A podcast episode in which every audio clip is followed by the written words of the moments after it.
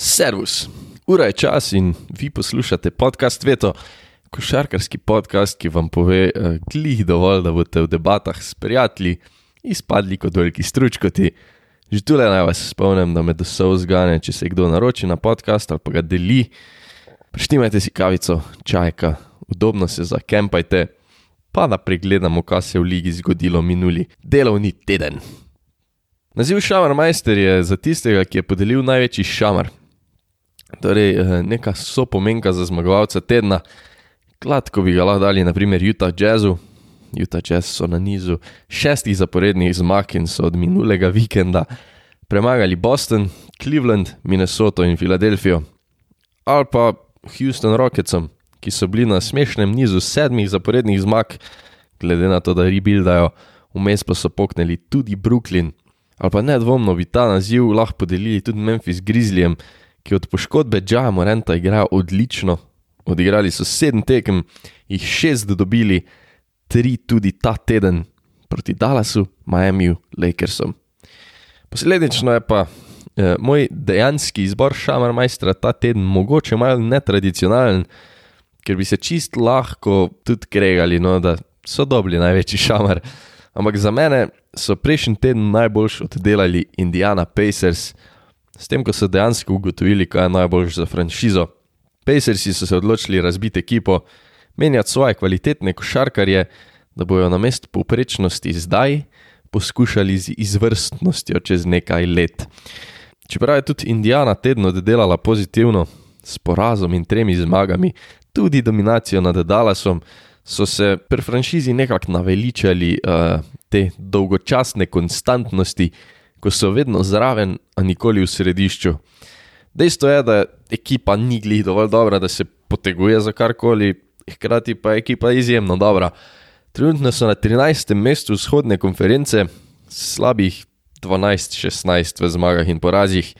Kljub temu, ne, da sezone skoraj zagotovo ne bi končali tako nizko, ker imajo čudovito zaokrožen kader, pa so šli v rebuild. Zdaj, jaz sicer mrzim namerno zgubljanje, je pa dejstvo, da je v določenih primerjih za franšizo boljš, da odrežeš roko, pa rešiš pacijenta, ker Indijana lahko iz tega kadra ustvari pravo malo bogatstvo.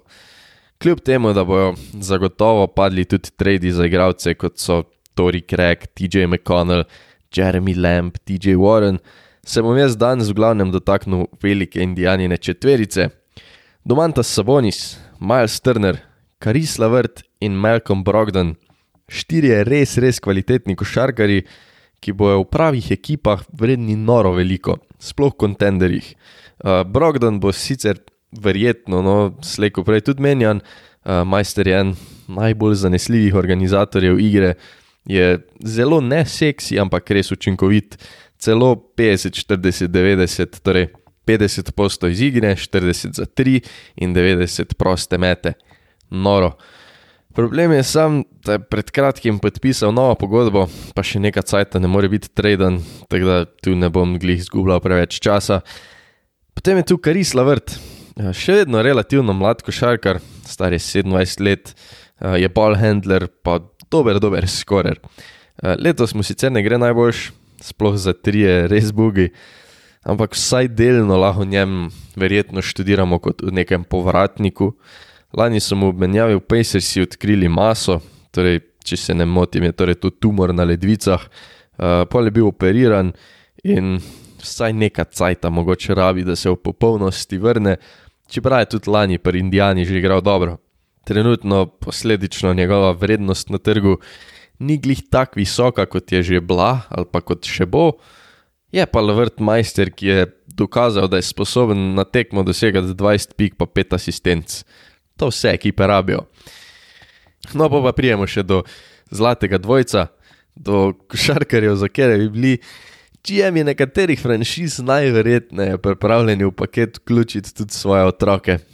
Če ste bili pozorni, so Pacersi v besedli, da poslušajo trade offerje za Domantasa Sabonisa ali Milesa Turnerja, torej da ne bi glih tradali obeh. Moje mnenje, glede na to, da so dokaj javno naznanili rebuild, se ne bojo glih kopijanc plota oklepali tega. No. Plan ni, ampak če prijeta res dobri ponudbi za oba, pa tudi po moje ne bojo rekli ne.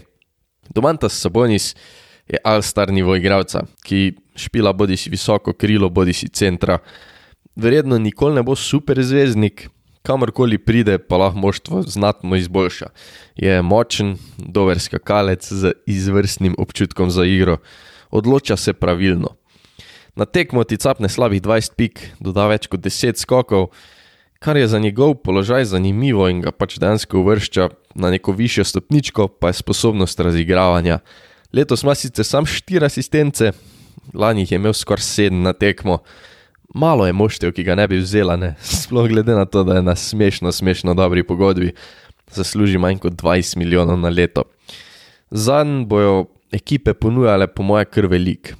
Vidim, kak del da gre v Kingse, verjetni se mi zdijo tudi Chicago Bulls, po moje bi ga zelo, zelo fejst imeli Horneci, ampak poslu, ki me je najbolj pritegnil, pa bil z dokaj strašljivo, z najboljšo ekipo v ligi, Golden State Warriors. Uh, Košarkari iz San Francisca so zadnjih par let, ko so padli z oble najboljših, precej dobro nabirali izbore na naboru, pa solidne mlade igralce.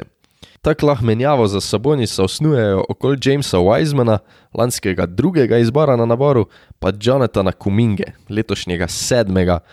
Oba košarkarja z noro talenta, goro surove kvalitete, pa potencialom, da se dansko razvijeta v zvezdniški kaliber igralca.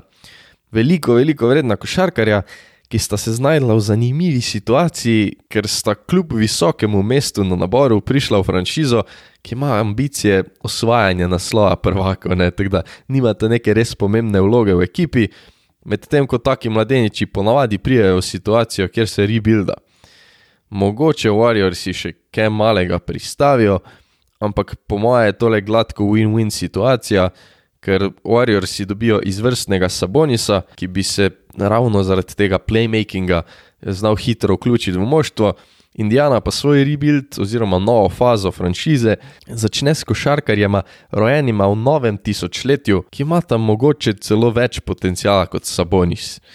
Liga pa se lahko spet dol zapre, ker grejo Warriorsi po četrti prstan. No, tisti drugi uh, zlati deček Indijane je pa Miles Turner. Predvsem manjši profil igralca, po mojem, za katerega bo pa po mojem tudi krepko več trga, ker je Turner en najboljših obrambnih centrov v ligi, pa meče z razdalje. Posledično je noro, noro uporaben specialist, torej roleplayer, ki pride prav res, res vsaki ekipi. Ja, vem, da ste to čakali, tudi Dallas Mavericks. Turner ti da na tekmo 13 pik, pa 7 skokov. To tih 7 skokov bi se po moje celo znalo kar dvigniti, če pride v ekipo brez Sabonisa, ki jih pač v Indijani pobere največ. Ampak Turner ti da tudi 3 blokade na tekmo. Posledično je sposoben zakleniti svojo broč, podobno kot Rudy Gober, večkratni obrambni igralec lige. Um, čeprav torej mogoče še ni na takem nivoju, lahko Turner nedvomno lastno ročno dvigne obrambni nivo neke franšize. Pa pa, če ti znaš dodati pike, letos meče 40 posto za 3, je res, res, res koristen. In glede na to, da ga lahko najverjetneje dobiš za manj assetov kot Sabonisa, bi znalo za njim biti več zanimanja. Pa da gremo čez najočitnejše. Tako kot sem že prej v Sabonisu rekel, nedvomno bi ga hudo rabili Charlotte Hornets, ki rabijo pravzaprav centra, rabijo veliko telo, obrambo v raketi. Pol se bojo fiks za njim zagreli tudi Sacramento Kings, ki obrambe dejansko nimajo, za meno pa lahko mogoče res dajo Beglija, pa še kakega mladeniča, bomo videli. Pa pa prijemo tudi do Dallasa, ki ga je že veliko ljudi označevalo za potencialnega trade partnerja. Torej, Dallas se je že skozi povezovalo s Turnerjem in jaz sem tudi, torej, tudi najbolj zamotil, verjamem, da največ poslušalcev to najbolj zanima. Ne? Vprašanje, če je doable, da Dallas dobi Turnerja, jaz mislim, da je. Hkrati pa mislim, da če si ga kera druga ekipa Face zaželi, da so sposobni skupaj sestaviti precej boljši paketek. Hkrati mislim tudi, da so predale so pripravljeni za njega dati res veliko, ker je pač točno tip igralca, ki ga rabijo. Pomagal jim bo pri obrambi, nujno, kot nalašč pa je za pick and roll, pa pick and pop akcije z Dončićem. Hkrati bo pol tudi Porzingis imel malo več svobode po zunanjosti, tako da se ne rabi kurati pod košem. Ziger pomaga, da je Turner tudi domačin iz Dallasa, tako da bi mu bilo po moje čist fajn tam špilat.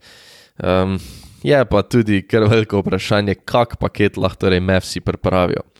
Skoraj ziger v kontro pošljajo naprimer Mozesa Brauna, Moses Brown je tisti center, ki ga jaz skozi hypam, pa je zdaj ob odsotnosti Willija Kolja Stajna dejansko začel malo več špilat, tudi na igraglih porazno. Polje pa vprašanje, če Josh Green pa kak pik na naboru dosti. Itak pač pa daš zraven še ljudi, da se plače izenačijo, torej naprimer kak Dwight Powell ali kaj podobnega. Ampak jaz imam feeling, da bi pri Indijani kar znali reči Jalen Brunson ali pa nič ne. Um, in Jalen je letos odličen, res pomaga Dallasu, je pa tudi res, da mu poleti poteče pogodba. In glede na to, kak igra, kak je letos dober, ga boš po mojem mogel tudi kar spodobno plačati. Tako da morajo Mavsi poštudirati. Definitivno bo bolelo, če Branson gre, če ga menjajo, ampak s tem potencialno igralca, ki bi mu mogel dati 15 ali pa še več kot 15 milijonov na leto, spremeniš v centra, ki ga nujno, nujno, nujno, nujno, nujno rabiš. Kaj jim je torej storiti? Ne? To je vprašanje, definitivno pa mislim, da se bodo Mavericksi face zagreli za Turnerja. Um, še eni, ki bi ga pa verjetno rade volje imeli in ga v končni fazi tudi precej rabijo, pa so Portland Trailblazers. In Portland je, v veliki meri tudi zaradi Indijane, po moje poraženec tedna. O tem bom razglabljal globoko, ampak ne ful globoko, ker je bil na to temo moj članek prejšnjega tedna. Bom zelo vesel, če si ga greste prebrati, ga bom linkal tudi v opisu epizode.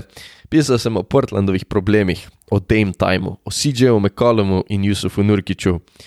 Če povzamem, Portland ni naredil točno tega, kar je naredila Indijana ni pravi cajt ugotovil, da ekipa ne deluje, da jo je treba preurediti in je zdaj v fazi, ko je praktično že prepozen. Imajo Lillarda, ki je kao top 75 igralec vseh cajtov, pa niso dosegli absolutno nič. Zdaj, zaradi neprimernega obnašanja do sodelavcev so uh, minuli teden, oziroma zdaj verjetno že malo več kot teden, ampak odpustili so GM-a Nila Olšeja, Eh, nastavljena do mestnega, ki pa zdaj še vedno ustraja, da ne grejo rebuildat, je celo javil, da je pa je kakršen koli posel za Damiena Lillarda off the table. Hkrati pa tudi GMZ obljublja izboljšave, pa naj ga ne bi bilo strah tvegati. Ok, ampak iz česa bo pol on za tu ekipo izboljšal? Bo nekaj potegnil iz lufta, ker Portland je v slepi ulici, ta ekipa ne deluje, ker imajo preprosto preveč obrambnih manjkov. Na branilskih položajih imajo dva res činka basketaša, da jim je na Lillarda CJ-ja McColluma, ki v obrambi nimata za burek. Vodstvo ni hotlo v pravem času menjati jedra ekipe, um, je tako trmasto ustrajalo s povprečnostjo, da so počasi zapravili možnost vrhunskosti. In če smo se še pred nekaj leti spraševali, če so morda Portland Trailblazers v širšem krogu favoritov, bo letos uspeh uvrstitev v končnico. Niso se izboljšali, niso menjali CJ-a McCalluma in Jusufa Nurkiča za košarkarje, ki so bolj primerni za igro ob Damienu Lillardu, za košarkarje, ki igrajo obrambo. In to nas pripelje do točke, ko ekipe ne moreš več transformirati zgolj s tema dvema posameznikoma. Ne moreš več traditi CJ-a pa Jusufa, pa pričakovati, da boš dobil nazaj neke enakovredne pise, ki bi jih postavili na mapo. Poleg tega je CJ-a zdaj doletela še kar huda poškodba oziroma zdravstveno stanje, uh, naj bi se mu sesedlo pljučno krilo, kar po mojem pomeni kar nekaj odsotnosti z košarkarskih parketov. Jusuf je v zadnjem letu pogodbe. Kaj lahko Portland sploh še stori? Še poleti bi v bistvu lahko od teh menjav upravili stališča moči, zdaj pa se po mojem kar vse ostale organizacije zavedajo, da so v Oregonu upupani. Zavohali so v kriv vodi in kot morski peseki začeli krožiti. Prestopni rok je 10. februarja in do takrat se lahko še veliko spremeni. Uh, jaz za dobro tek franšize kot Lillarda upam, da se ga odločijo menjati. Da da jim dobi vsaj kanček upanja, franšiza pa se pol po koncu Lillardove kariere rebuilda ne bo lotila glih iz čiste nule, ker lahko za Dejma vse dobiš zelo kar veliko. Zagotovo tudi Bena Simonsa, ki je kljub temu, kak kdorkoli o njem misli, po mojem še vedno najboljši basketaš, ki je trenutno na trgu. Zdaj, za Lillarda lahko verjetno dobiš tudi Sabonisa pa Trnerja, sam glede na to, da rebuildajo, dvomim se, da ima to neka velika smisla. Postaneta pa obe franšizi res relevantni. Če pa, naprimer, daš Sabonisa, Karisa Levrta, kak cuker, pa kak pik za Linarda, pf, pa po mojem nikjer ni švohne. Hkrati pa to negira vse, kar sem do zdaj napisal, nobena ekipa pa ne gre v rebuild in lahko v končni fazi dol zaprem podcast. zdaj pa da vam še citiram zaključek mojega članka, za celega pa torej, uh, ite prečitati, ite klikniti na link v opisu. Portlandu zmanjkuje možnosti. Medtem ko bi lahko pred nekaj leti na trden temelj po imenu Damien Lillard začeli graditi novo hišo, ker je prejšnjo odpihnil hudobni volk po imenu Warriorsi, so se jo trudili krpati, popravljati, pa na koncu vse ni stala. Pred nekaj dnevi so Indiana Pacers naznanili, da grejo v rebuild moštva pa imajo verjetno celo boljšo ekipo kot Portland. Nimajo niti približno takega zvezdnika, a svoje najboljše igralce prodajajo na višku moči, da iz njih ustvarijo novo priložnost. Gumb za ponoven zagon. Kiro smer bojo šli Trailblazersi? Jim bojo sledili pri resetiranju franšize ali poskušali celo menjati za katerega od njihovih vrednih obrambnjakov? Ali pa preprosto ne bojo, kot smo zdaj že navajeni, storili ničesar to je to za danes. Hvala vsem, ki ste si vzeli cajt, aktualna epizoda, a činko manj o dejanskih tekmah. Noro vesel bom, če se naročite na podcast, ga delite ali pa od srca priporočite prijateljem, ker to pomeni največ. Vesel bom tudi vseh komentarjev, vseh debat, dobite me lahko na Facebook strani podcasta, na Instagramu. Zadnje cajde pa se trudim celo tudi nekaj tvitati, tako da sem štart perajt tudi tam. Do naslednjega tedna, bodite fajn.